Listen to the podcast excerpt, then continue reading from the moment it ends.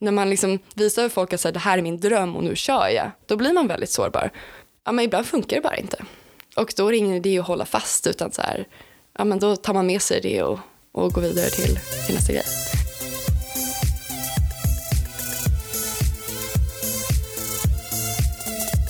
Hej och välkomna till Facka-podden med Caroline Rundqvist. och Johanna Tummevik.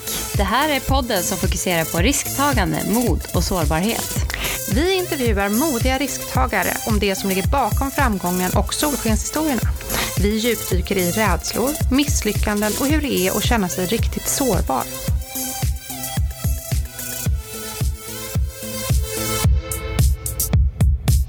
Stina Lönnqvist grundade sitt första bolag i 20-årsåldern och driver idag det omtalade bolaget Mantle. I en tid när många människor lever en stressig livsstil fylld med krav och press så är Stina en spännande entreprenör som har gjort fantastiska bolagsresor där prestation och återhämtning har fått gå hand i hand. Hennes entreprenörskap har lagt stor vikt vid psykiskt välmående, någonting som hon gärna inspirerar andra till, ofta under namnet Stinsa på Instagram eller som yogalärare.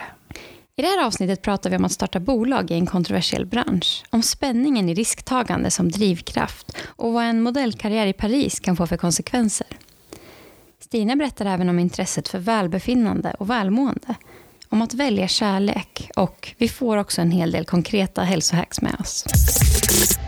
Hej och varmt välkommen hit Stina Lönnqvist. Tack så jättemycket. Så roligt att ha dig här. Jättetrevligt. Och hemma hos dig också. Jaha, faktiskt. Coronaanpassat. Jag tänkte att vi hoppar rakt in. Hur mår du idag? Var är du när du kommer hit idag? Jag mår bra, kort och vanligt svar. Eh, lite så här uppstissad, har en eh, stor pitch imorgon. Idag är det alltså söndag och imorgon är det måndag. Så det har blivit en liten sån eh, jobbrace-helg, vilket jag försöker undvika. Men ja, det händer ju ibland. Mm.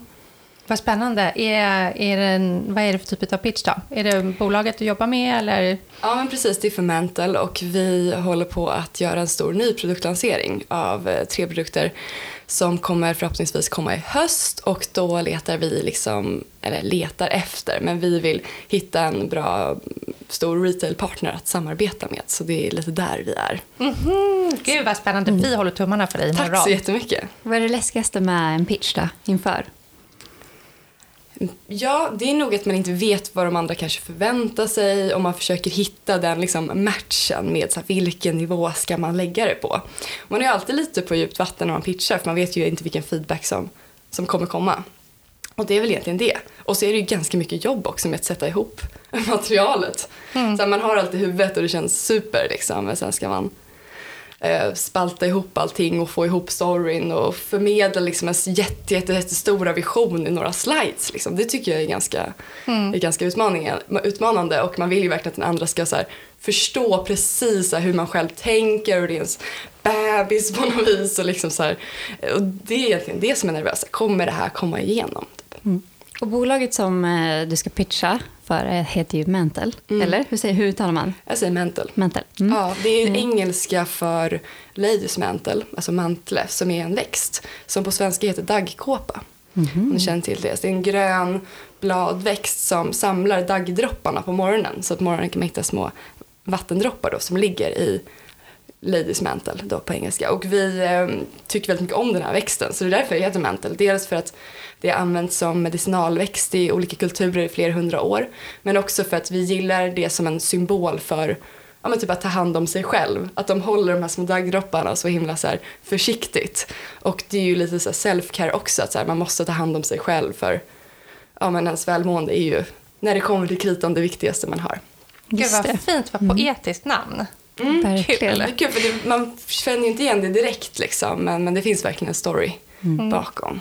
Och det är ju en startup. Ja. Och det är väl lite modigt och riskfyllt att gå in i en, i en startup. Berätta lite om resan och vad du tänkte inför.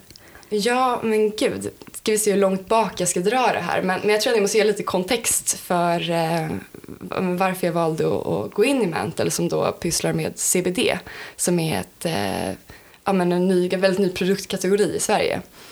Och så min bakgrund är inom business. Jag har pluggat på Handels, jag har jobbat som varumärkeskonsult, startat ett par bolag innan.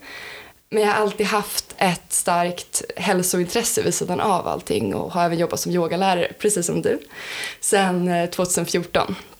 Och eh, när jag säger hälsa så menar jag egentligen inte ja, men, så här, du ska gå på en hård diet eller du ska träna så här mycket och allt ska vara perfekt utan det handlar ju verkligen om den här balansen från insidan och ut att faktiskt så här, må bra och framförallt mentalt och hur kan man bolla de här olika intressena man har och måsten och krav och ja, allt, allt det där. Den eviga frågan. Den eviga frågan, eller hur? Mm.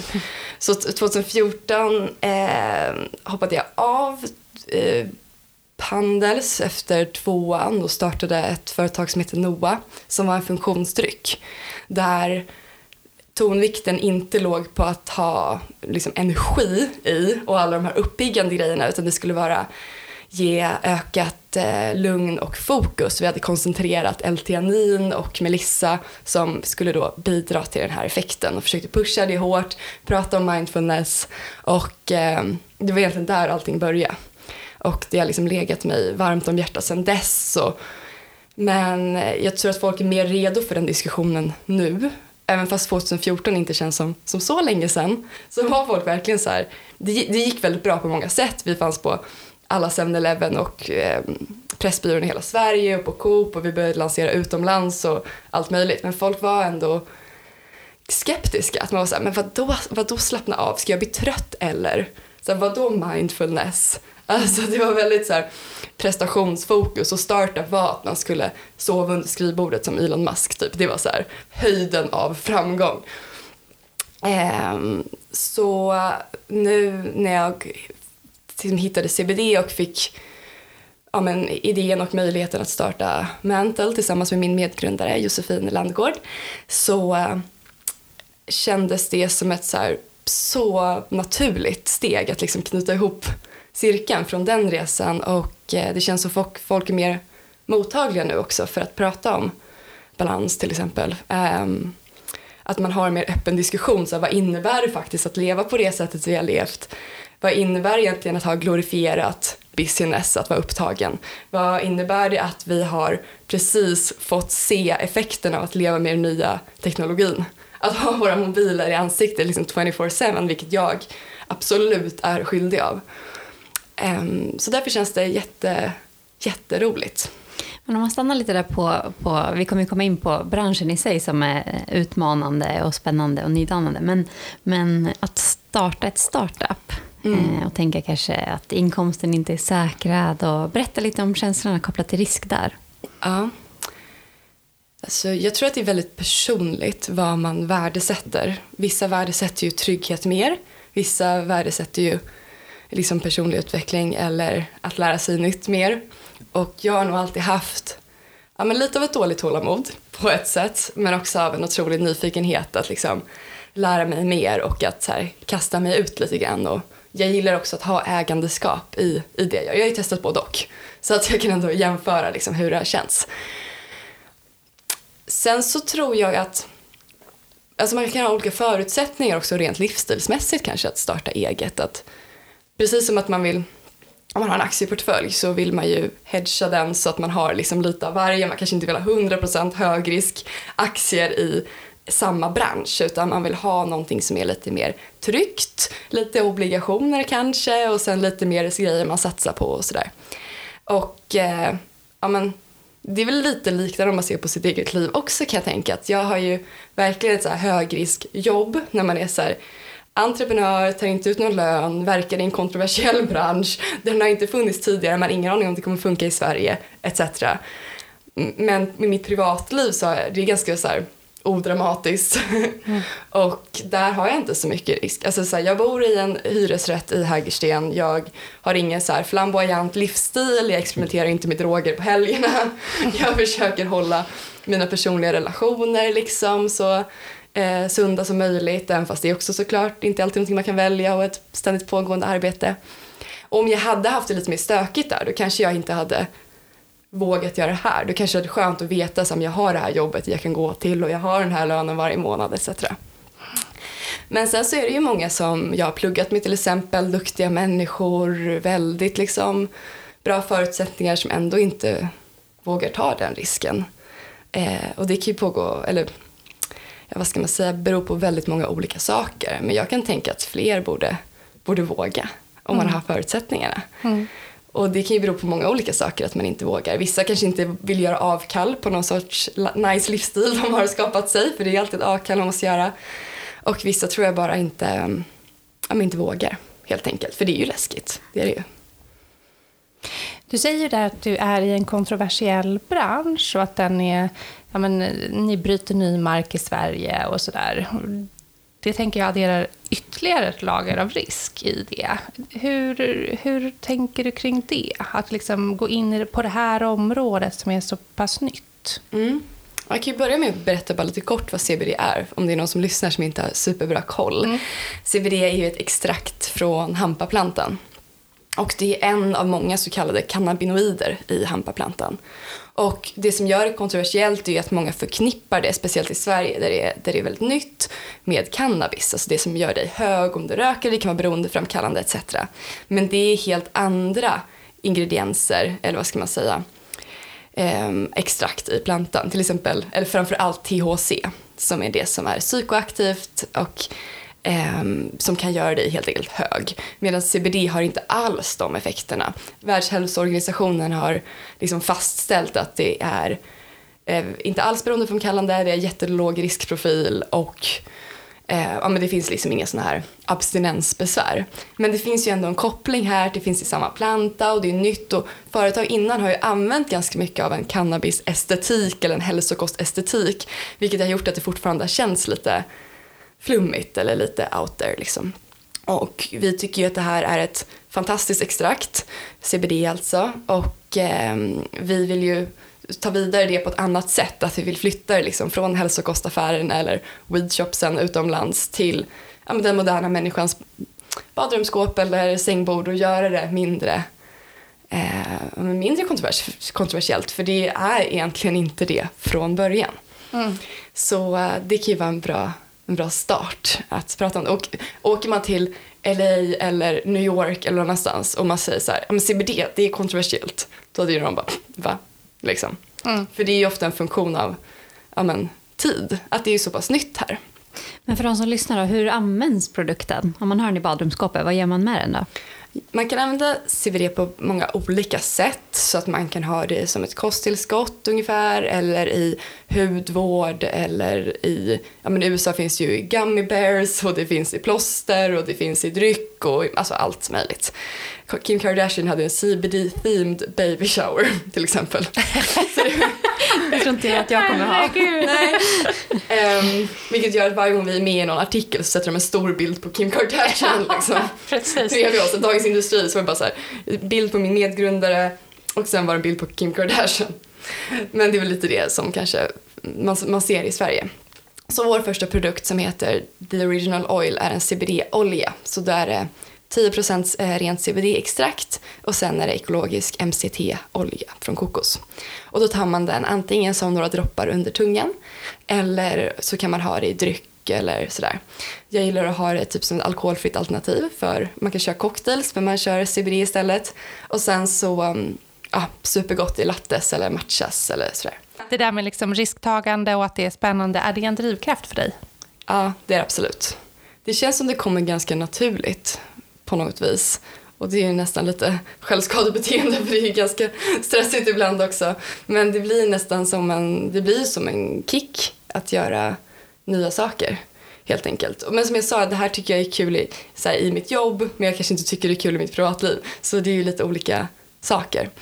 Men kommer du till det professionella så finns det något där, att så här, alltså känslan av att bryta ny mark, att föra det framåt. Men också att kunna vara, ja men just när man driver eget, att så här, kunna vara sin egen chef lite grann, att kunna lägga upp det som man vill och faktiskt jobba med någonting man tycker är spännande på riktigt. Har du gjort ett rejält fuck-up som du bara måste dela med dig av? Då kan du mejla in det i en ljudfil till fuckapodden.gmail.com och byt ut första ut mot en punkt för internet gillar inte ordet fuck. Tjena, fuck up podden! Det är Johan här. Jag vill dela med mig av en dryg sak som skedde för två år sedan. Jag ville bygga min camperbil. en sån här husbil för att leva vanlife. Och eh, sagt och gjort, satte igång med det, köpte bilen, tog reda på miljarders och tusen miljarders saker till. Har lagt ner tusen timmar på den här bilen. Jag skojar inte. Tusen.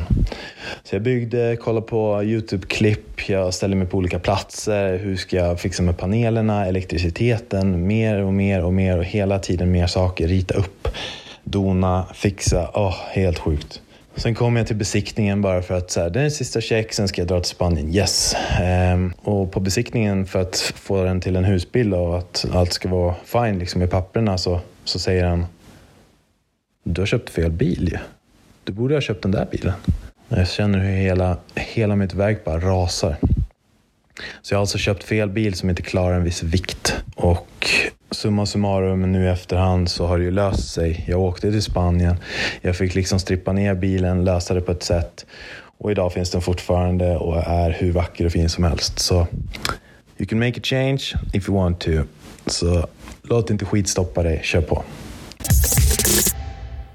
Jag skulle vilja prata lite om det här med ja, men, den röda tråden i, som jag, när jag lyssnar på dig, som jag hör eh, i ditt liv, med liksom hälsa och välbefinnande, välmående och sådär, som jag upplever att så otroligt många människor brottas av, samtidigt som man kanske har massa strategier för att försöka få till det där.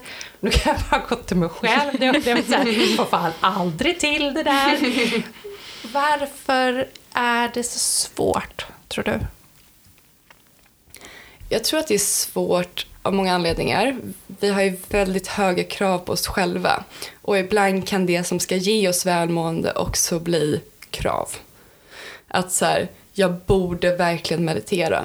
Mm. jag borde verkligen ha en beauty routine. Jag borde verkligen så här, prestera topp på mitt jobb och jag borde vara en bra mamma och allt vad det är.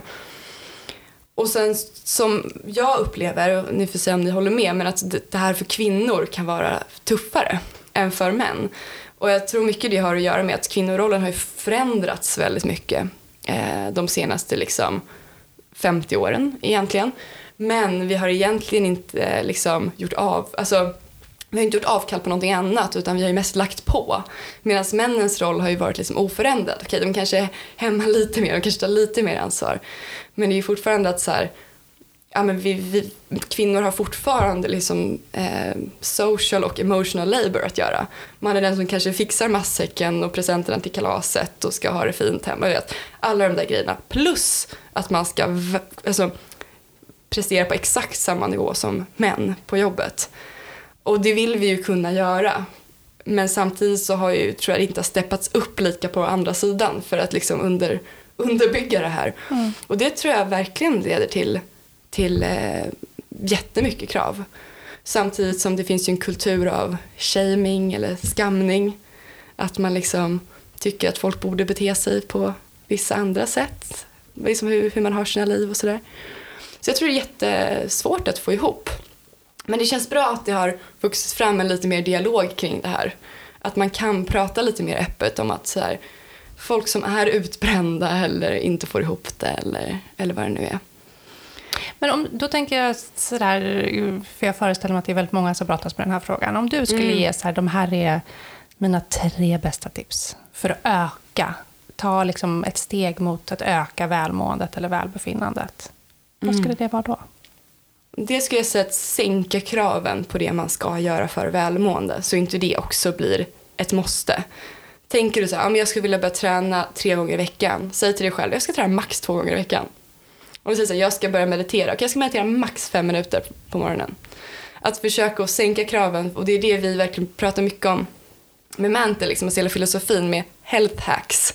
Att det är liksom de här, de här små grejerna ibland som inte tar över hela ens livsstil utan som går att smyga in som faktiskt kommer ge resultaten för det är de man liksom håller i. Så eh, det är första tipset. Eh, det andra tipset är ju lite att så här, rannsaka hur man pratar med sig själv. Det här tror jag är så här otroligt underskattat. Att man tänker att det ska vara en massa nya saker man gör. När det kanske egentligen handlar om att så här, cut yourself some slack. Att försöka se på sig själv med mer kärlek och bli medveten om de här tankarna och så här, vad har de grundning i jag blev liksom jätteuppstressad i morse till exempel för att jag höll på att komma sent till den här podcastintervjun och då började jag direkt att bara så här, varför är jag så slarvig, varför är jag så flängig, varför kan jag aldrig komma i tid, varför har jag inte lärt mig att jag ska börja tidigare? Och så bara så här, okej okay, Stina, kommer det, här, kommer det här hjälpa dig? Kommer du må bättre av att slå på dig själv på det här sättet? Mm. Så det tror jag är superviktigt. Eh, sen nummer två, eller tre menar jag, det är också lite en sån här tanke, tankegrej som eh, jag verkligen har så inkorporerat på den senaste tiden. Och eh, det är egentligen att eh, jobba med, eh, alltså det här kan låta flummigt, men eh, kärlek mer. Att försöka, det hör ihop lite med tvåan, men så här, försöka, försöka se saker med kärlek.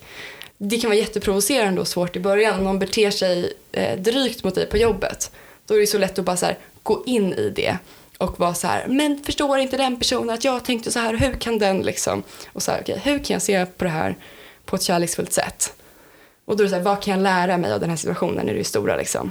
Så här, tack till den här personen för att den lär mig hur jag inte vill vara. Eller den lär mig att ha tålamod.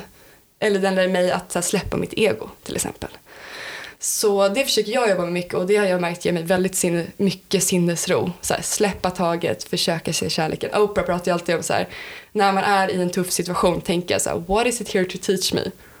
What is it here to teach me? Och eh, det är ju både professionellt och privat egentligen. Att på jobbet, så här, ja, men tar man risk, då händer det oförutsedda saker och då är det så här, okej, okay, what is it here to teach me? Hur kan, hur kan jag känna kärlek för mig själv? Hur kan jag känna kärlek för det här, den här situationen. Um, och när man börjar tänka så så är det mycket enklare att liksom fortsätta vara inne i det. Jag fick en, bo, eh, en cykelbot för ett par veckor sedan. Cykelbot? Kan ja. man få det? Ja, 1500 spänn för att cykla mot rött. Jaha. Ni har aldrig cyklat mot rött antar jag? Aldrig hänt. Eh, jo, jag har faktiskt blivit fasttagen också en gång. Ja. Mm. Men jag fick ingen bot. Okej, okay, skönt. Ja. Men jag fick verkligen så mitt på Götgatan framför alla människor bara du, kom över här.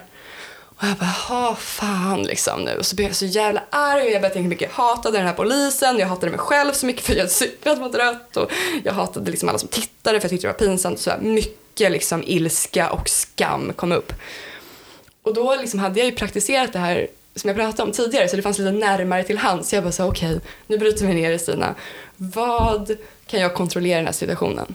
Ingenting. Alltså jag är tagen av polisen, det är bara så här, gilla läget. Två så här, eh, vad kan jag lära mig av det här? Så bara, ja, men jag kan lära mig att ha lite bättre tålamod i trafiken och det kommer nog göra att jag inte blir liksom, överkörd nästa vecka. Liksom. Okej, okay, det finns något positivt här. Eh, och då när han gick på mig med värsta polisrösten som de gör, för de är vana att alla liksom beter sig som galningar för att det är så man känner. Jag vet inte om ni kan känna igen er men jag känner så i alla fall. Så här bara, vad har du att säga till ditt försvar? Jag bara, Eh, inget alls. Och han blev helt paff. Jag bara, det var säkert meningen att det här skulle hända. Och han bara, alltså han tappade ju masken helt och, och var bara så här, men gud, du är den första trevligaste människan jag har träffat hela veckan. så här, Stackarn!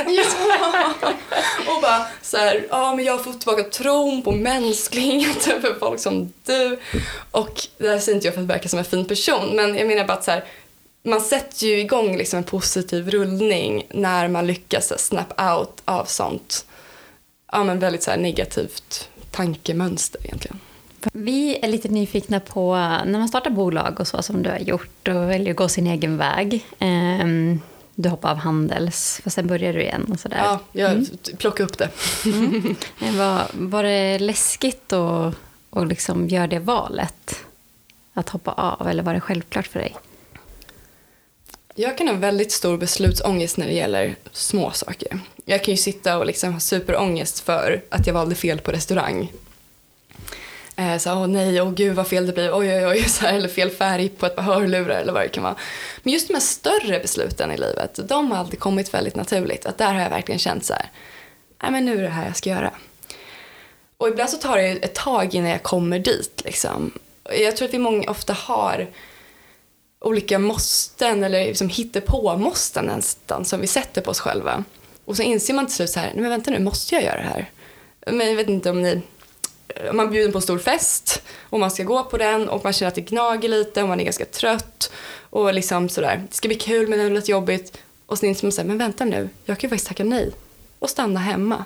Och så bara, ah, och så känns det som att det bara är så här en varm dusch och det är så jättehärligt. Och typ lite så har det känts för mig. Att jag är så här, men vänta nu, måste jag läsa klart den här terminen? Vad är, det som, vad är det verkligen som säger att jag måste det och vad är det som värsta som kan hända? Um, ja, men samma sak när jag bestämde för att skriva min masteruppsats och, bara så här, och stanna kvar på Bali och göra det. Istället för att åka hem till Stockholm och bara så här, men vänta nu, jag kanske inte måste åka hem. Så ibland så sätter man ju upp olika blockers för sig själv. Liksom. Mm. Mm. Tänker du mycket på vad andra ska säga? Eller är det... Jag gjorde det mycket förut. Men jag har faktiskt lyckats ta mig igenom det. Hur då? Det är alltid svårt att säga. Det är en, en serie av händelser. Liksom. Men eh, om jag, för det som hände var att när jag gick i liksom, så här, högstadiet, gymnasiet, början på Handels, då var jag ganska eh, hetsig. Jag hade inte en tro på att saker skulle gå bra. Jag tog ingen risk. Verkligen så.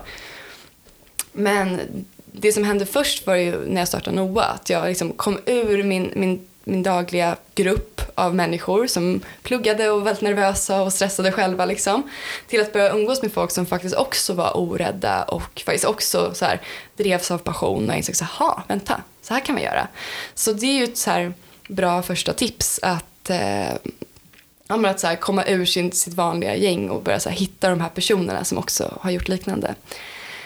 Och sen det andra eh, ska jag säga att prata med folk som man ser som framgångsrika och försöka bryta ner så resan som ledde dem dit. För det är ju lätt att köpa in på olika sådana framgångsberättelser. Men att få, få den ärliga storyn om så exakt vad, vad hände på vägen. Det har jag tyckt varit väldigt inspirerande. Att känna så här, okay, det måste inte vara perfekt på varje steg utan det kan få svänga lite hit och svänga lite dit. Um, och sen det sista lite det jag pratade om precis nytt, det här med blockers. Att man bara såhär, okej okay, vad är det värsta som kan hända? Och försöker verkligen såhär, okej okay, men vad är det verkligen det värsta som kan hända? Och om det är illa, så, så här, men hur kan jag liksom kanske bygga upp det först så jag har den här tryggheten? Kan jag börja där liksom, om det jag nu vill göra är någonting, är någonting nytt? Helt enkelt. Jag tänker så här, när man driver bolag och ja, men, tar risk som vi ändå har pratat om att du tycker om att göra och utsätta dig för och så vidare. Då händer det ju att man misslyckas eller att man rör, gör rejäla fuck-ups. Mm. Kan inte du berätta om någon gång när du har liksom ett saftigt, smaskigt fuck-up? Ja, men vad ska jag börja? Nej men absolut, alltså, ett fuck-up som jag inte ser som ett jättestort fuck-up nu utan det hade ju sin grej. Det var ju lite resan med Noa, alltså den här drycken. Så här, hoppade av handel, skulle köra den grejen. Vi satsade väldigt mycket på en strukturell trend som började växa i USA med relaxation beverages och bara nu kör vi. Och sen eh, ett par år efter jag gick vidare så, ja, men så lades bolaget ner. Och det känns ju lite som en fuck-up så att, ja men gud, det där som jag startade finns inte längre. Det är någon sorts ego-grej också. Det ska så här, finnas kvar för alltid. Så jag byggde en triumfbåge och nu står den där. Mm. Men, eh, ja, men det som jag lärde mig med det var ju väldigt mycket att så här, ja, men ibland funkar det bara inte. Och då är det ingen idé att hålla fast utan så här, ja, men då tar man med sig det och, och går vidare till, till nästa grej. Men jag tänker då, alltså det, när du står till exempel med Noah och, eh, och det blir tydligt att så här, och du inser att så här, nej men, det är dags att gå vidare. Eller så där. Vad är det för känslor du har i bröstet då? Ja, då, då visste jag ju liksom inte att, hur det skulle gå sen. Men jag tror att jag hade börjat känna av liksom att så här, eh, det här blev inte exakt så som jag kände. Men där var det också en eh, en längtan efter att uppleva någonting nytt. Alltså, då hade jag kört startup i, i ett par år och så här, jag ville ha mer rutiner då så jag gick över och, och jobbade som varumärkeskonsult. Så det var inte så sentimentalt ändå. Nej. Faktiskt. Men sedan när jag fick reda på att bolaget skulle, ja, skulle så här, likvideras, det var, ju, det var ju tuffare. Det var ju ja, men, som sagt den här ego-grejen igen som, som kom tillbaka. Men eh, där försökte jag igen bara fokusera på okay, vad har jag lärt mig av den här resan och så här, ja, jag är så sjukt tacksam för att det hände och det tar jag med mig framåt. Typ. Så jag tror att det är verkligen att kill your darling, så ibland måste man bara släppa taget. När känner du dig som eh, mest sårbar eller mest ynklig? Kanske rädd? Jag tror att så här, mod går ju hand i hand med sårbarhet väldigt mycket. Alltså att när man är modig och tar en risk, då blir man ju sårbar. När man liksom visar för folk att så här, det här är min dröm och nu kör jag, då blir man väldigt sårbar. Då kan man få kritik och det kan gå hur som helst. Så jag tror att vill man liksom, då måste typ lära sig att hantera den sårbarheten typ. Och där tror jag är viktigt också, igen, så här, vilka um, liksom, omger man sig med? Finns det folk man kan få vara sårbar med? Till exempel, vi, jag och mina kollegor, vi är bara tre stycken, har ju väldigt så här, högt i tak och man kan be om hjälp och man kan berätta när man inte pallar mer. Jag tror det är ganska jobbigt att vara en modig risktagare och inte få utlopp någonstans för sin sårbarhet liksom, utan bara här den här skölden. Eller vad ska man säga? Ja, skölden. Det tror jag ja, men, kommer ut någonstans senare. Till de som lyssnar nu då, vad ska man göra om man kanske funderar på att dra igång ett startup? Alltså, vad ska man göra för att våga och bli mer risktagande? Tre tips. Mm. Ja, men jag sa ju lite tips förut. Det här med att så här, umgås eller omge sig med människor som också vågar att prata med framgångsrika personer och se deras stories. Eh, på riktigt då. försöka lurka i deras egna fuck-ups. Och sen försöka liksom hedga sig på nedsidan och fundera på vad är det värsta som kan hända. Eh, sen skulle jag också säga att när man ska starta ett företag kan det kännas väldigt stort. Det kan ju kännas så här, oj oj oj, jag ska starta nästa unicorn. Det är liksom så här, vart, vart tusan ska jag börja? Och då tror jag att det är väldigt viktigt att bryta ner i mindre delar och försöka så här, ja men jag tar ett task i taget. Så här, idag ska jag göra det här, imorgon ska jag göra det här. Ja men så här, ja, varje stor resa börjar ju med ett steg och försöka bryta ner det.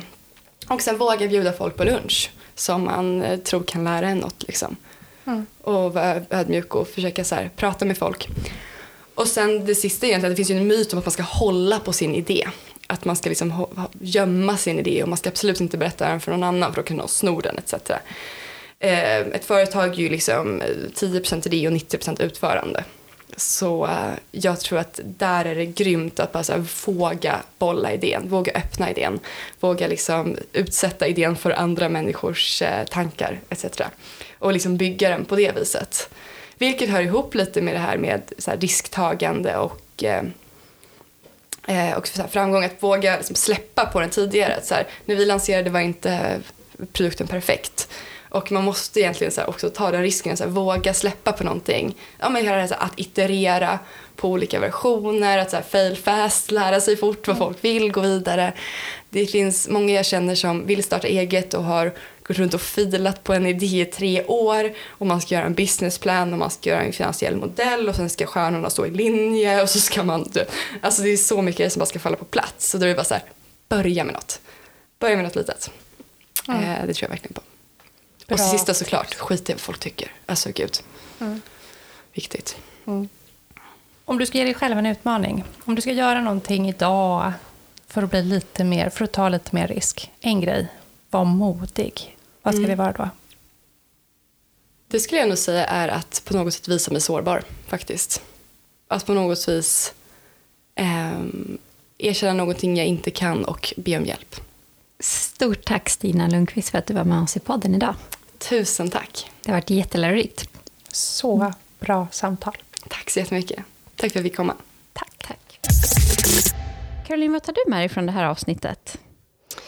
Jo, men jag tycker att Stina är ju väldigt klok i det här med att när man ska lägga till nya vanor och health hacks, att man liksom inte ska sätta ribban för högt, utan istället tänka att man ska göra ja, men fem minuter per dag ska jag meditera, istället för att liksom säga att men varje morgon ska jag gå upp klockan fem och meditera en timme. Utan dra ner ambitionsnivån, för då finns det också större chans att det faktiskt blir av. Det tycker jag är ett bra tips. Om man tänker så, vad ska du göra då, då Johanna?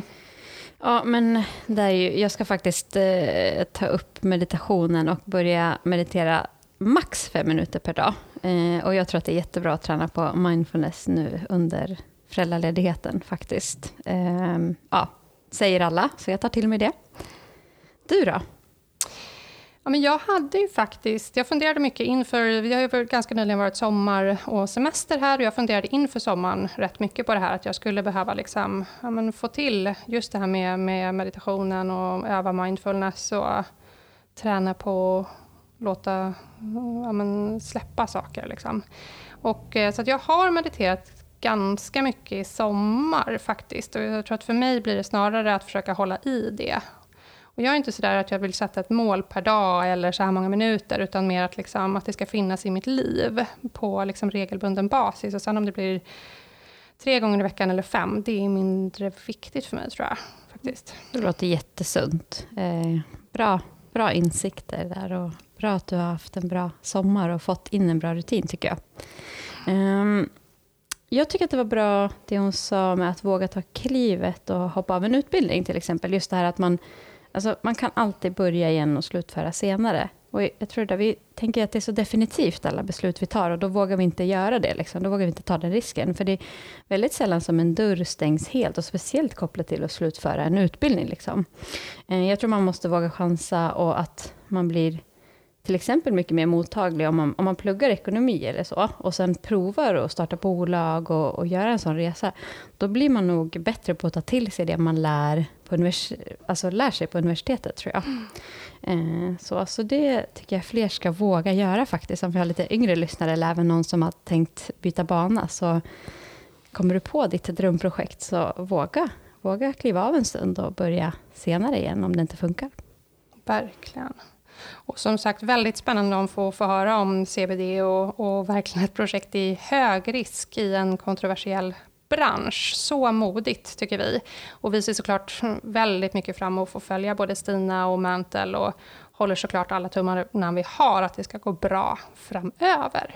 Ja, verkligen. Det ska bli jättespännande att följa. Och, ja, nu har det blivit dags att avrunda det här avsnittet. Men Stina uppmanar ju faktiskt i slutet på att våga bjuda folk på lunch. Eh, så vi vill uppmana er lyssnare nu. Vem ska, vem ska du bjuda på lunch den här eller nästa vecka? Eller kanske en Teamsfika om det passar sig bättre. Någon du inspireras av. Och med det så vill vi tacka för idag och så hörs vi igen om en vecka. Glöm inte att följa oss och ratea och likea och skicka massa kärlek. Ta hand om er där ute. Ha det bra, hej då! Hej då!